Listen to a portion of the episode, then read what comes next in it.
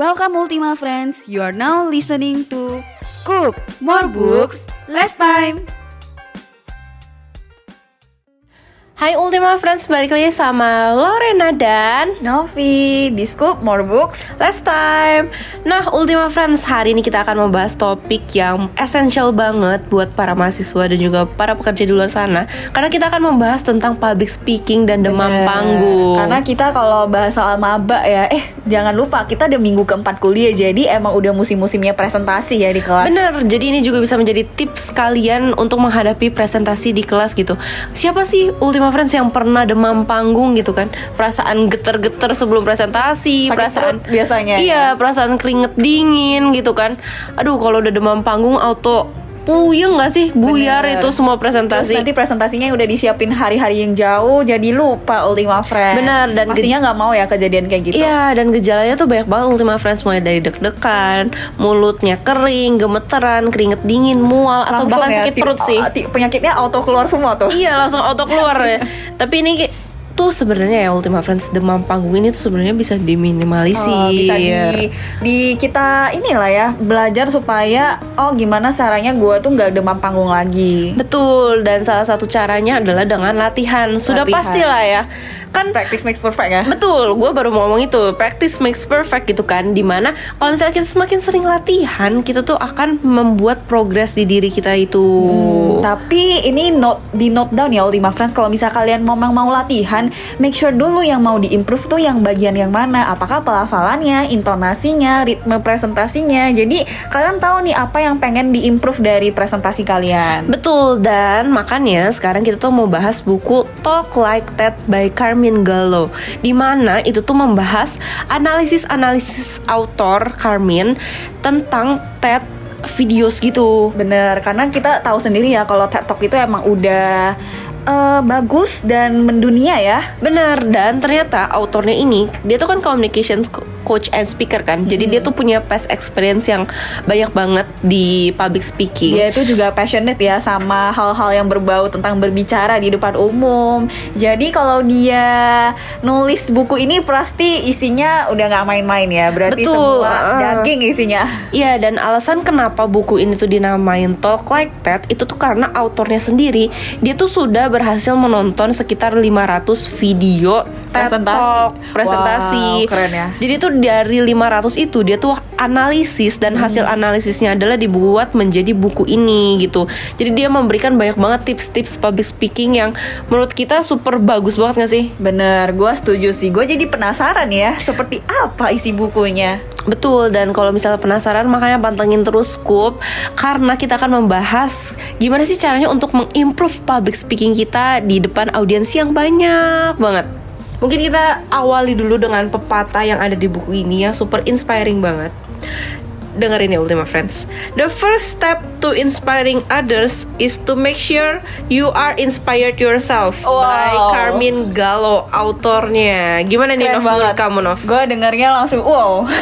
langsung Nggak ya, bercanda. menusuk gitu ya Tapi berarti ini artinya kalau misal lu mau menginspirasi orang, lu sendiri tuh juga harus terinspirasi dulu. terlebih dahulu Iya, baru orang bisa percaya sama lu karena Mm-mm.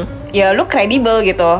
Iya nggak sih? karena Iya. kayak gini aja gak sih? Kita tuh kalau mau mempengaruhi orang kita pun sendirinya pun harus bisa mempengaruhi diri kita sendiri dulu untuk mempercayai hal tersebut gitu loh.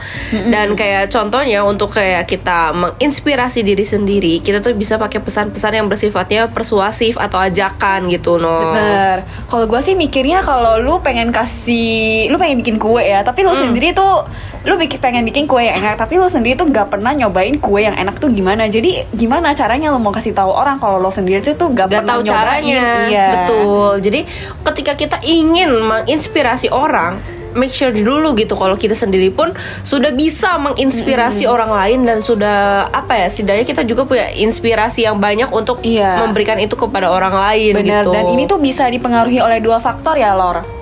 Ada tiga sebetulnya. Oh, ada tiga. Betul. Benar. Ada Apa tiga dan ini tuh uh, sebenarnya udah terkenal banget. Ini tuh Aristoteles yang bikin. Jadi ada tiga, ada ethos, logos dan pathos. Wow, gitu. mungkin Lor bisa bahas etos dulu kali ya. Boleh boleh. Jadi kalau ethos itu tuh lebih ke speakernya. Apakah speakernya kredibel? Apakah speakernya relate dengan topik atau audiens tersebut?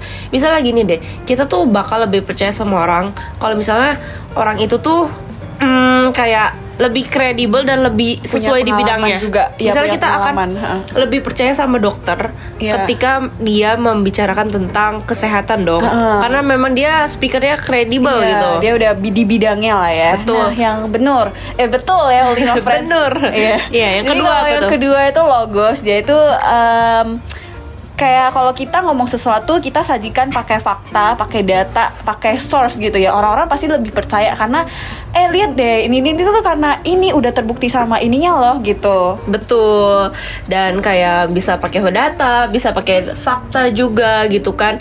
Dan yang ketiga itu ada pathos di mana ke pathos itu lebih ke koneksi emosi antara speaker dengan audiensnya gitu. Ketika kita jadi speaker, kita tuh harus mainin perasaan audiens, Nov. Iya, Bener nggak? jadi supaya langsung cep gitu ya. Hmm, caranya gimana? Kita tuh bisa dengan mengundang simpati, empati mereka.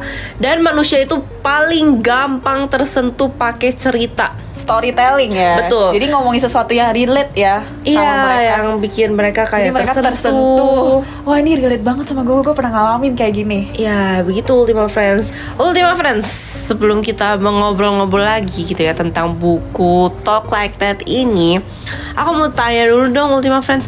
Ultima Friends di sini suka lupa gak sih orangnya? Hmm, kalau gue sih pelupa ya. Lupa. Iya. Jujur, gue tuh pelupa banget. Gak tau kenapa ya.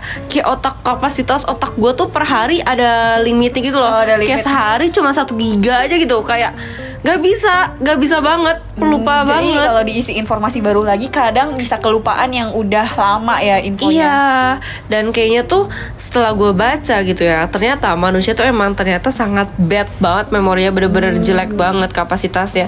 Jadi udah seharusnya kita tuh buat cerita yang gak terlupakan supaya nggak dilupain sama orang. Oh, berarti cara penyampaian kita ke orang itu tuh harus yang bikin dia itu terkesan dan inget cerita kita karena ada yang unik atau ada yang spesial gitu ya. Bener, karena kalau misalnya ceritanya cuman selewat-selewat bahkan jujur ya, gue tuh kan orangnya pelupa banget. Dan kalau misalnya ketika ada informasi yang menurut gue informasi itu tidak mempengaruhi keberlangsungan hidup gue, Iya. gue tuh kayak langsung auto forget aja gitu Auto kayak. forget, ha. Karena menurut gue itu kayak nggak penting, jadi gue pun otak mau pun mengingat ya. Iya, nggak mau mengingat gitu.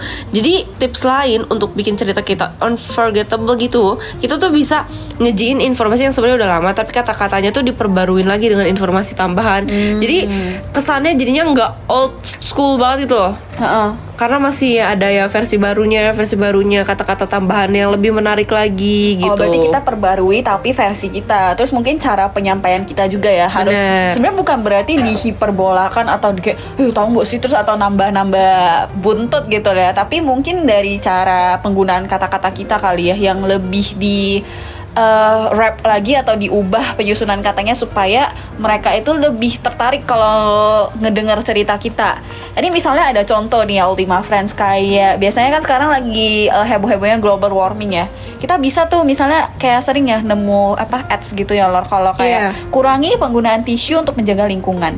Kita bisa loh misalnya ganti jadi dengan menggunakan satu tisu lebih sedikit setiap harinya kita itu bisa menyelamatkan seribu pohon di hutan. Jadi kita lebih oh iya kah gitu loh. Hmm, dan sebenarnya manusia tuh bakal lebih ke eye catch dan kayak lebih listen. Kalau misalnya ketika ada angka tahu sebenarnya. Ada angka. Angka, oh. gambar, tabel. ke, ke data ya tadi kita udah bahas. Jadi kalau misalnya kita kayak ngomong menyelamatkan seribu pohon, kan orang jadi kayak Wow. wow gitu Beneran, seribu iya. gitu. Jadi Ini- tervisualisasi gitu. Berarti gue harus hemat-hemat tisu nih ya Mm-mm. sekarang. Dan itulah mungkin salah satu alasan kenapa orang tuh jadi lebih inget sama cerita kita. Hmm, nah, kalau Ultima Friends sendiri biar lebih inget dan membuat orang inget sama cerita kalian, kalian suka ngapain sih? Ini kan kita singgung ya kalau manusia itu memorinya itu memang eh, Terbatas. ya, ya terbatas. Jadi bisa cepet lupa. Jadi kalau emang mau ngasih tahu sesuatu ya, apalagi kalau kita ngomongin soal presentasi, ngasih tahu informasi itu jangan lama-lama, jangan bertele-tele dan jangan banyak cerita walau tapi nggak ada intinya gitu. Hmm, kayak tadi kan kalau misalnya memorinya kan udah ini ya, udah bad ya.